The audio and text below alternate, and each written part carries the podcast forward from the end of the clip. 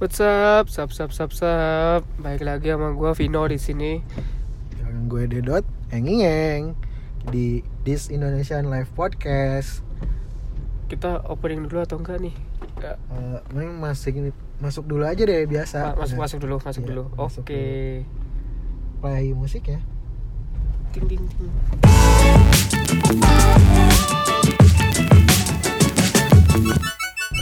Pause. Ya. Jadi kali ini kita bakal bahas apa nih, Vin? Ya, kalau kemarin mah kan udah yang apa ya yang tentang kesenangan-kesenangan duniawi. Eh, kesenangan duniawi. Kesenangan Iya, duniawi bener-bener. kan. Nah, sekarang nih kita bakal bahas yang kurang diperhatikan lagi kayak lah ya gitu. Ibaratnya kayak disepelein sama orang-orang kayak gitu Tapi lah. penting ini ya. Penting, penting ini, penting. dan sering dilupakan sama orang-orang Indonesia. Mm, Tapi sebelum ma- sebelum masuk ke bahasan sih, gue banyak sih komen-komen kemarin, DM DM dari yang kemarin nih dari post kemarin yang bingung tuh, apaan sih ini kak? Podcast tuh apaan kak? Ngapain sih lo? Iya ngapain sih lo? Terus apa ya kayak tentang podcast itu masih tabu gitu di di audiens kita gitu. Iya. Nah kalau menurut gue sendiri sih podcast itu berbicara, speak up ya. Jadi kita tuh pengen menyampaikan pendapat kita, kebebasan kita tentang eh, berpendapat gitu tentang suatu bahasan.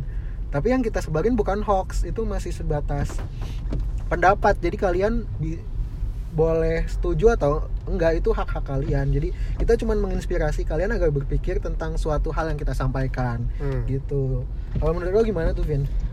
ya gue sebetulnya setuju sama lo tapi ada baiknya kalau audiens tuh juga ikut berpikir ketika kita mengungkapkan pendapat gitu jadi kita sama-sama berpikir sama-sama kritis Iya. jadi kita tuh ada berperan aktif untuk society gitu loh jadi kita tuh nggak bullshit kita tuh Iya. harus ada peran buat society Ya, jadi makanya komenan Lolo pada tuh sangat dibutuhkan sama kita ya sebagai Iya. saran ya. Jadi terima kasih buat yang udah nanya. Ya sekarang kita bakal bahas yang tadi tuh yang penting tapi dilupakan itu apa tuh? aku depresi Aku depresi, aku bingung, aku pengen curhat, aku banyak sekali ya. Jadi aku dalam kegelapan dalam kegelapan iya kita bakal bahas kalau kalau di internet mah mental illness ya namanya. Iya. Mental illness tuh apaan sih Vin? Kayak gimana tuh? Kalau dideskripsikan tuh ya misalnya nih ya. Hmm. kalau mental illness tuh ibaratnya tuh makronya. Jadi Makronya. masih besar banget itulah ibaratnya kayak gunung gitu kan. Nah di dalam mental illness tuh masih ada cabang-cabangnya lagi lah. Salah satu Hmm. contohnya tuh ya yang depresi itu tadi. Depresi ya. Ha-ha. iya gue juga pas lagi searching searching bahasan tentang ini nih lagi cari sumber-sumber tentang mental illness nih gue juga ngerasa kayak gue pusing men asli. Pusingnya tuh gimana kayak kayak gue mengalami juga akhir-akhir ini gitu. Akhir-akhir ini gue mengalami juga kayak ka- kayak tiba-tiba gue bingung gue narik diri dari zona nyama zona pertemanan gue gitu kayak misalnya gue nggak bisa jadi diri gue sendiri jadi aneh aja gitu. Rasanya gue nggak ngapa-ngapain gue nggak produktif gitu. Jadi kayak ya mungkin itu bagian dari depresi sih menurut gue. Jadi kalau yang gue tangkap sih awalnya itu bisa dibedain depresi sama stres ya. Kalau stres itu biasanya itu respon diri manusia ketika dia nggak gagal atau nggak bisa melakukan sesuatu itu tuh biasa kalau dalam kehidupan sehari-hari. Jadi kalau misalnya lu ngelakuin sesuatu lu ngerjain tugas lu gagal nggak sesuai ekspektasi lo tapi itu lingkupnya masih dalam diri sendiri ya masih dalam tuntutan dalam diri sendiri. Itu tuh namanya stres kalau menurut gue sih. Eh, depresi itu lebih lebih ada dari tuntutan dari luar. Jadi gue merasa bisa salah bisa juga ketika- trauma kalau depresi. Ah, ah, itu juga trauma. Tapi kalau misalnya menurut gue sih depresi sih kayak misalnya itu tuh lebih dituntut dari luar. Kayak misalnya lu gagal berkompetensi dengan orang lain ada acuan faktor luar bu dari bukan dari diri lo sendiri. Kalau stres itu lebih kayak dari sehari-hari sih. Kayak misalnya gue sehari-hari stres gue akuin kayak tapi itu bukan gila. Kalau orang Indonesia kan bilang oh stres lu. Padahal lu nggak bisa melakukan sesuatu dan atau eh, lu kayak misalnya lu melakukan sesuatu tapi ekspektasinya gagal menurut diri lo sendiri itu bisa berujung stres kayak misalnya menyerah menyerah dikit lah kayak misalnya. Tapi dari stres itu bisa disembuhkan dengan diri sendiri biasanya. Jadi kalau depresi itu lebih itu karena dia dibuat oleh faktor orang lain dia harus membutuhkan orang lain. Kayak misalnya ketika lo depresi gue pasti mikir gue harus curhat ke temen gue gue harus apa ya gue minimal ya harus curcol lah kalau nggak nggak mau curhat ya curcol gitu. Kalau menurut lu depresi itu gimana tuh kalau menurut gue depresi nih ya. Hmm. ya sebelumnya kudu dikasih tahu dulu gambaran depresi itu kayak gimana kan? Kan banyak di sana yang Iya, belum kalau- ngerti kan? Hal depresi Ah. itu kayak gimana kan? Nah depresi itu di saat lo tuh udah merasa kalau lo tuh udah nggak bisa ngapa-ngapain gitu loh. Gak bisa ngapa-ngapain. Kalau lu tuh udah di jalan buntu lu tuh udah di ujung lorong tuh nggak nemu cahaya ibaratnya kayak gitu. Jadi ketika lo ngelakuin sesuatu ya hasilnya tetap sama aja nggak sesuai ekspektasi lo dan lo jatuhnya ya tetap dalam kehitaman itu. Eh, bagian besarnya deskripsi si depresi ini ya bisa di, deskripsikan kayak gitu sih. Ya, terus kalau misalnya ini nih kalau misalnya kayak gue pribadi kalau gue depresi gue harus ngapain dong? Kan gue juga bingung kadang kalau orang lagi depresi tuh bingung loh. Apalagi biasanya tuh orang yang depresi di di apa ya di lingkungan gue kalau di Indonesia secara umumnya tuh kayak misalnya diabai dianggap sepele loh kadang kayak misalnya. Ya soalnya rakyat Indonesia goblok nggak gitu Serius? nggak gitu juga sih Vin. kalau misalnya menurut gue sih kayak misalnya kayak ya pertama sih orang Indonesia kan kurang peka gitu mungkin karena ada tagline waktu deketin cewek gitu kan ih kamu kurang peka gitu jadi bener-beneran semua laki-laki dan semua orang Indonesia itu jadi kurang peka gitu sama masalah. Oh, mungkin Nah, mungkin nih, nah, mungkin Dot. mungkin. mungkin, mungkin rasa pekanya mereka tuh udah habis di di percintaan, soal Iya. percintaan. bucin banget ya Bucin. Ah. Jadi ketika rasa pekanya dia habis di percintaan, rasa peka dia untuk orang lain gak ada dong. Ibaratnya kayak gitu kan. iya Porsi untuk orang lain rasa pekanya hilang.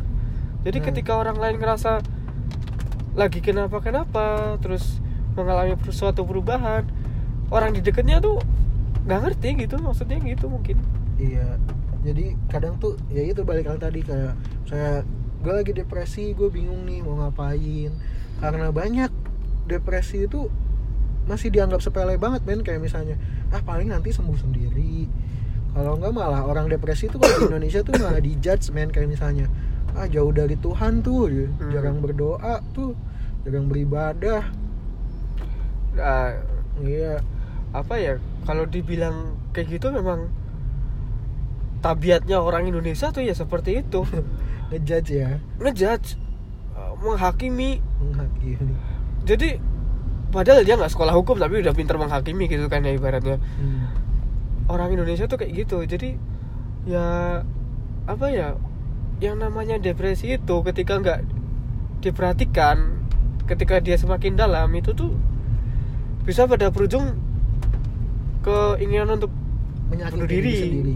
Menyakiti diri sendiri Oh, lalu bunuh diri bunuh diri itu di ujung banget ya tapi udah di, di, di ujung banget itu itu kayak menyakiti diri sendiri kayak misalnya Iya. dari awal tuh kayak udah nggak peduli sama diri sendiri Heeh. terus dibiarkan terus berlarut-larut udah mikirnya mulai aneh bahkan nanti bisa jadi kayak punya teman hayalan ya Ya. di, di mental illness ini yang ya itu jadi yang balik tadi men jadi kalau misalnya bingung di Indonesia juga kayak misalnya lu depresi nih bingung lu kan ke temen lu susah ngomong.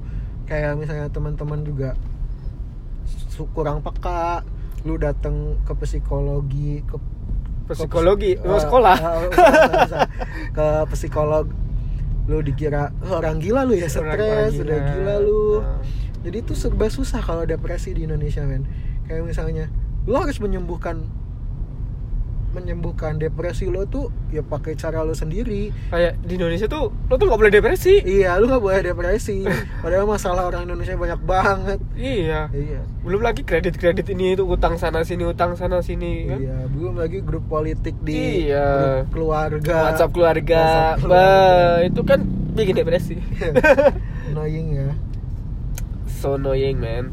Nah ketika depresi itu yang sep- seperti yang gue bilang tadi itu loh yang sudah menuju ke menyakiti diri sendiri. Hmm. gimana tuh? Orang lain sadar nggak akan perubahan yang dialami si orang depresi ini? Kalau di Indonesia tuh harus ngomong men. Susah, kan? susah Harus ngomong kan? susah kalau misalnya nuntut kepekaan tuh susah. Bahkan ada beberapa yang kayak misalnya lu kenapa nggak ngomong? gitu dijajing dulu emang. Harus harus wajib ngomong dulu. Kayak salah lu lah nggak ngomong duluan. Kalau misalnya lu ngomong pasti gue bisa bantu gitu padahal belum tapi tentu tapi ya tapi ya. bantu. mungkin mungkin dia udah ngomong secara tidak langsung. Hmm. lewat apa? Mungkin dia buat status di Twitter atau di Instagram atau di lain mungkin? Iya. dia mungkin ngungkapin rasanya di situ tapi orang lain menanggapinya dengan bercanda. Mungkin kayak gitu. Mungkin ditanggapinya dengan apaan sih lo melo amat jadi orang? Galau mulu jadi orang. Iya.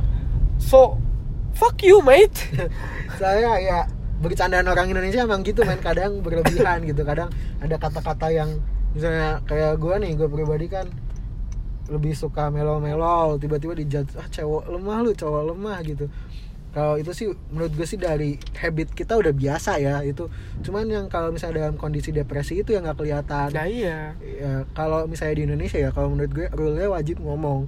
Jadi kalau misalnya lu yang ngerasa depresi lu wajib nge ngomong lah speak up ke orang lain jangan takut buat nggak nggak curhat gitu ke teman gitu. Percayain teman lo lah sekali-kali kalau misalnya dia bakal ngasih solusi. Meskipun nggak seenggaknya lo udah berusaha gitu kalau menurut gue. Soalnya di Indonesia kalau misalnya nggak ngomong kadang emang ada orang yang peka tapi dia tuh takut gini ya men. Kayak misalnya takut ada stereotip kayak gue nggak mau nyampurin urusan orang lain gitu. Itu ranahnya dia bukan ranahnya gue gitu. Dan dia nggak berani bertindak bahkan dia nggak nggak ada actionnya men buat ngatasin depresi orang lain itu teman lu sendiri. Misalnya depresi teman lu sendiri atau ya orang lain itulah. Karena dia ngerasa kayak itu masalah dia itu harus dia yang handle kita nggak bisa apa-apa gitu. Meskipun kita masuk kita cuma bisa ngomong sabar gitu. Kata karena beberapa bilang bosen lah. Bahkan orang yang depresi itu kadang bilang ini makanya bosen gua kalau misalnya gue curhat cuma disabar-sabarin mulu gitu. Mungkin stereotip itu banyak berkembang. Jadi kayak misalnya yang satu yang depresi nggak mau speak up yang temennya itu peka tapi nggak mau ngedeketin gitu nggak mau ada actionnya buat si depresi itu. Nah berarti keti- memang memang orang-orang orang depresi itu susah buat ngungkapin perasaannya Hmm. karena sudah dilanda dengan bebannya dia. Belum lagi ketika mau ngomong dia terbebani oleh stereotip ketika dia mau curhat nanti akan dibilangin sabar sabar mungkin ini ujian Tuhan. Nah nah berarti yang harus mengambil action di sini kan adalah orang yang peka itu. Ya si temannya itu ya. Kenapa ketika dia udah peka tapi nggak mengambil bagian kan Hmm. bullshit gitu loh. Cuma bisa ngomong tapi tanpa melakukan pelakuan Nah, dan yang penting sih kalau misalnya lu udah peka ya lu lanjutin ke action ya. Dan Iya. actionnya tuh yang terpenting jangan ngejudge ya.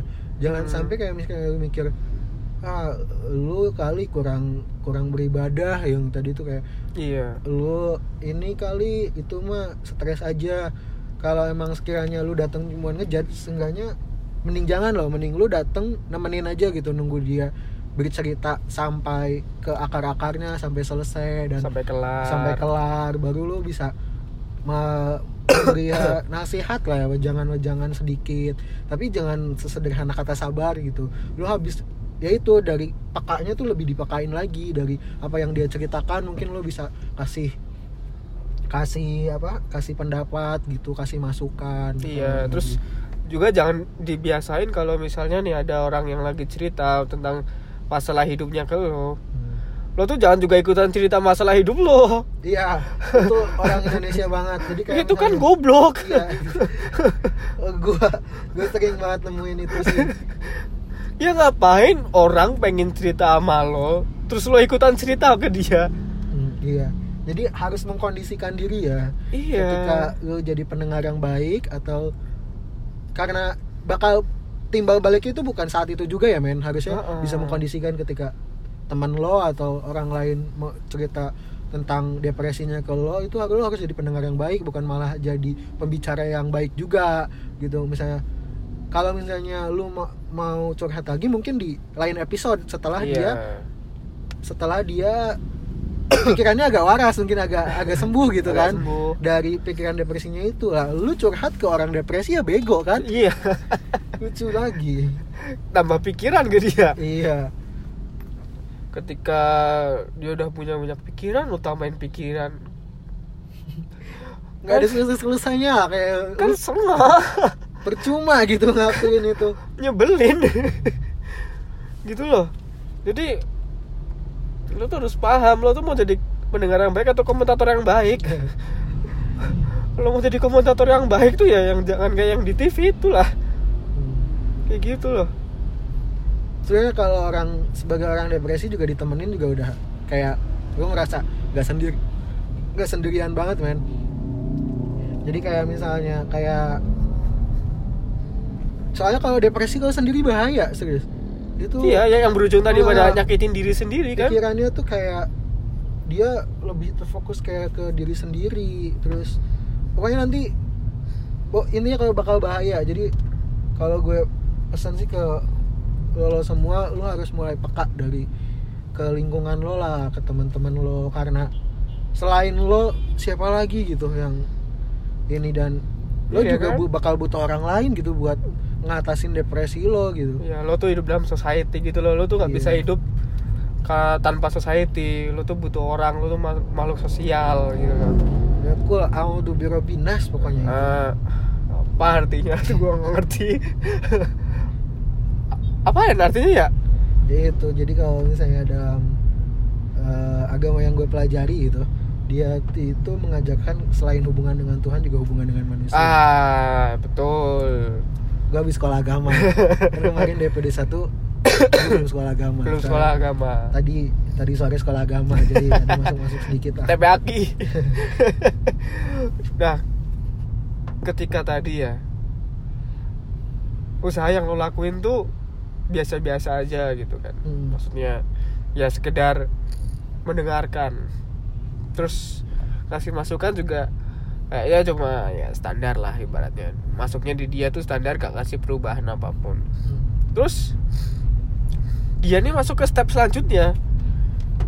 Yaitu step di mana dia ingin mengakhiri hidupnya. Apa yang harus lo lakuin tuh? Ya ke psikiater. Kalau gue sih nyaranin ke ahlinya lah soalnya kita sebagai temen cuman bisa nemenin ya. Ya kita nyaranin men. Ke psikiater ke psikolog itu bukan orang gila gitu. Emang itu kayak misalnya kayak mereka itu sekolah tinggi tinggi tuh buat buat menangani itu men.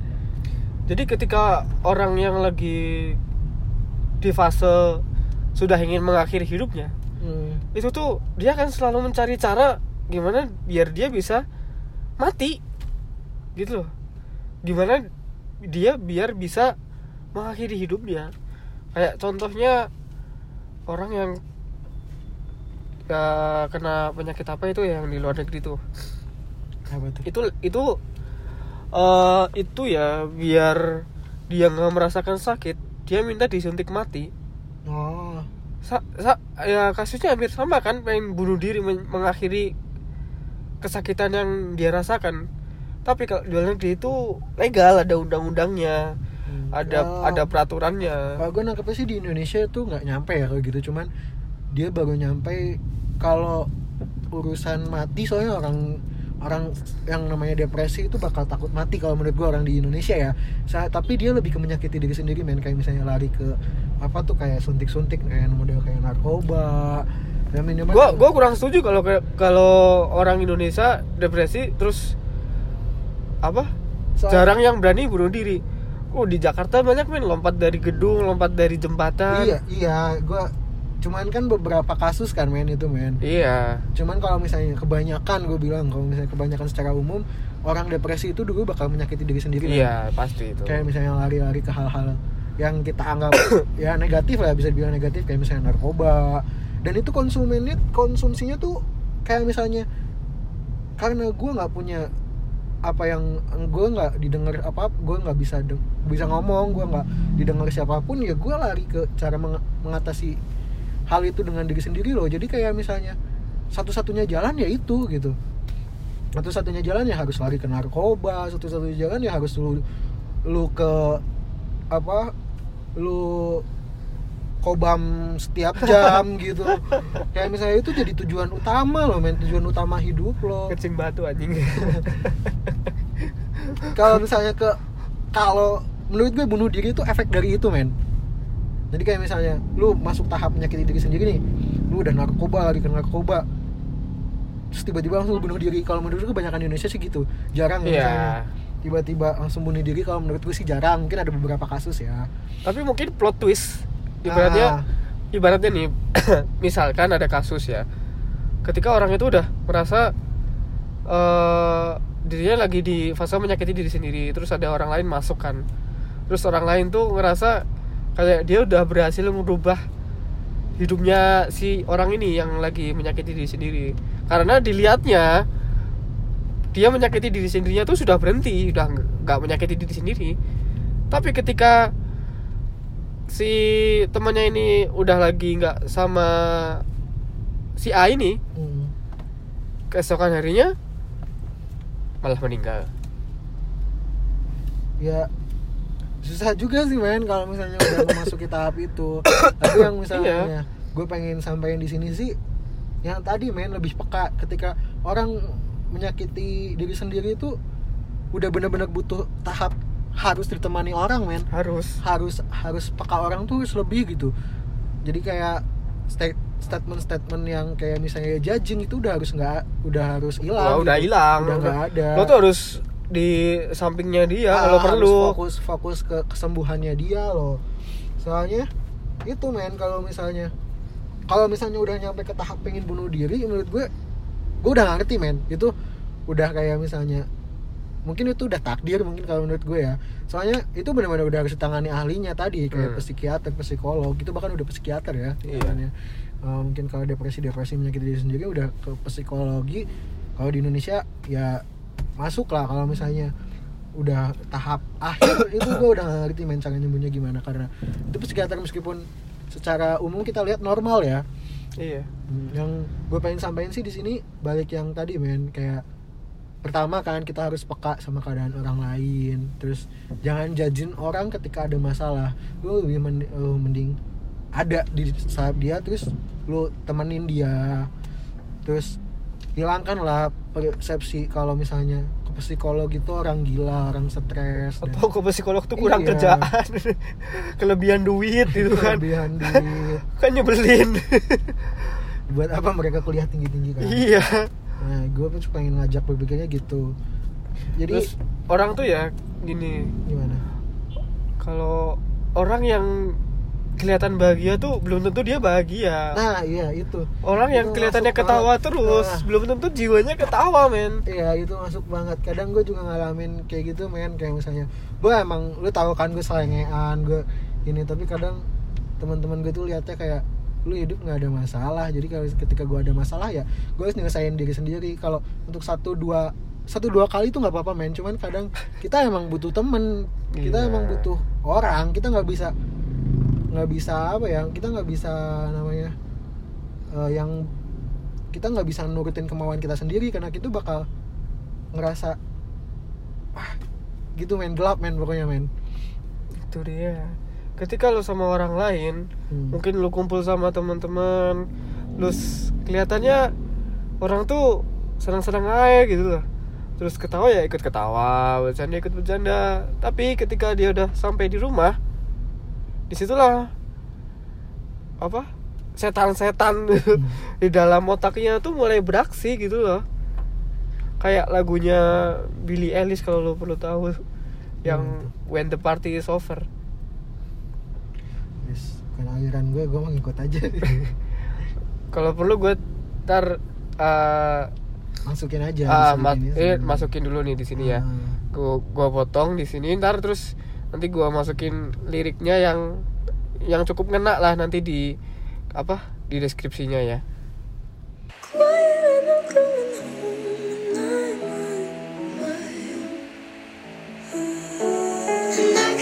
Say I like it like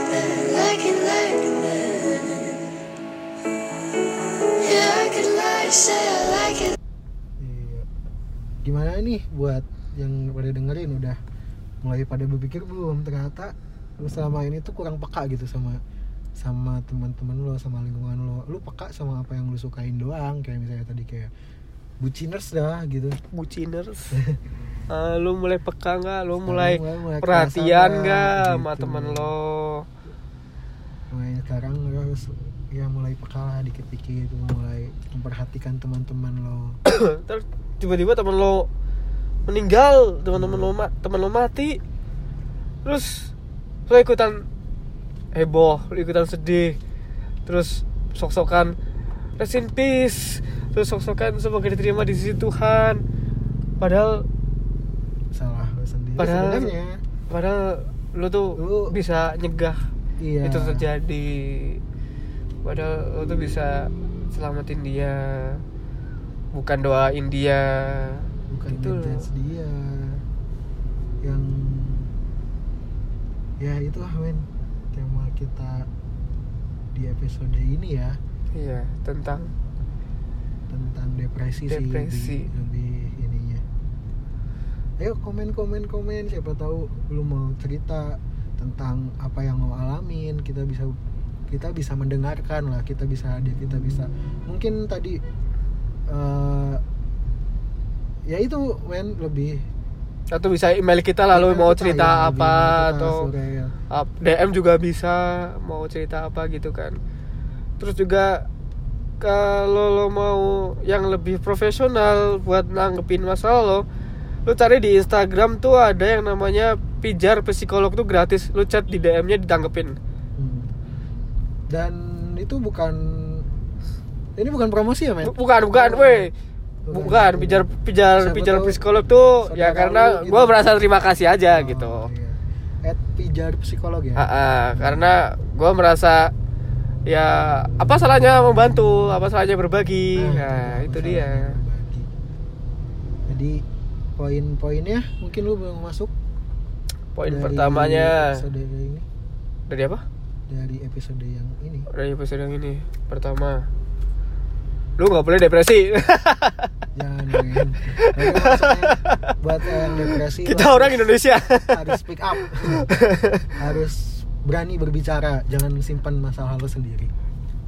Gini poin kita ya kita ringkas saja lah ya. Ya poin-poinan. Kalau lo lagi ngerasain masalah lo bisa cerita ke orang tua lo lo bisa cerita ke Tuhan. Hmm.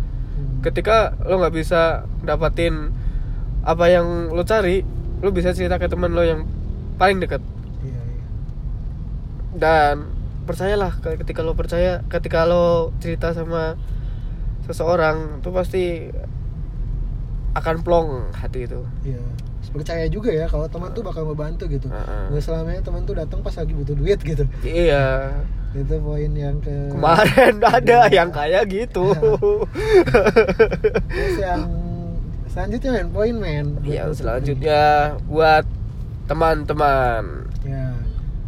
Harus lebih peka. harus lebih peka peka jangan buat bucin doang Nah, karena bucin itu bullshit ngapain peka terhadap sesuatu yang fana bucin nikmatnya cuma sementara. iya Sebentar saja lah. Kuat Gitu. apa sih lo? gitu kalau misalnya bucin. Tapi kalau temen gue yakin sih, gue gue gue termasuk golongan yang percaya kalau temen itu menurut gue bukan lebih kayak aset men, lebih kayak keluarga. iya dia bakal ngebantu apa pun meskipun bisa apa dulu lah. eh, nggak bisa generalisasi semua teman bakal Ah, sesuai ekspektasi lo tapi gue Iya. yakin kalau misalnya dengan berbicara sama temen gue ngerasa kayak hidup itu nggak sendirian men. Gitu iya, aja. itu dia. Jadi ya dua poin ini sebetulnya yang paling utama sih. Mm-mm. dan jalan terakhir tuh ya itu tadi ke psikolog atau ke psikiater. Ah, jangan dianggap itu kayak orang gila gitu. Ah, itu Karena dia. itu memang solusi terakhir men.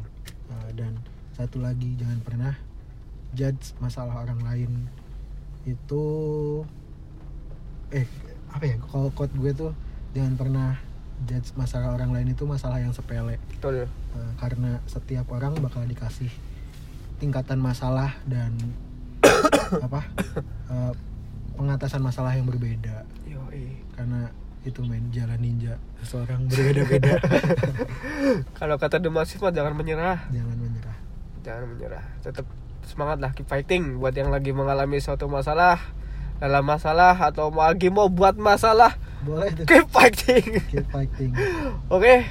Oke. ya dari kita berbaginya gini dulu aja lah. Nanti kita sambung lagi di episode selanjutnya. Iya, kalau misalnya kalian mau tetap bahas lebih mendalam mungkin apalagi nanti kalau misalnya ada atau referensi mau cerita iya, gitu kan atau mau kita minta solusi dari kita di subbab episode setelah Ah. ini. Nah, itu karena ini fungsinya podcast, men. Iya. Lu bisa berbagi, lu bisa ngajak berpikir orang lain gitu. gitu loh Terima kasih dari kita. Cukup sekian. Kalau misalnya ada salah, kita mohon maaf. kita iya, kita mohon maaf acara TV nih. Nanti nggak bisa lebih dari TV. Tapi intinya kita, kita harus lebih dari YouTube karena YouTube lebih dari TV ah, intinya semoga kalian bisa nangkep apa yang kita ungkapkan.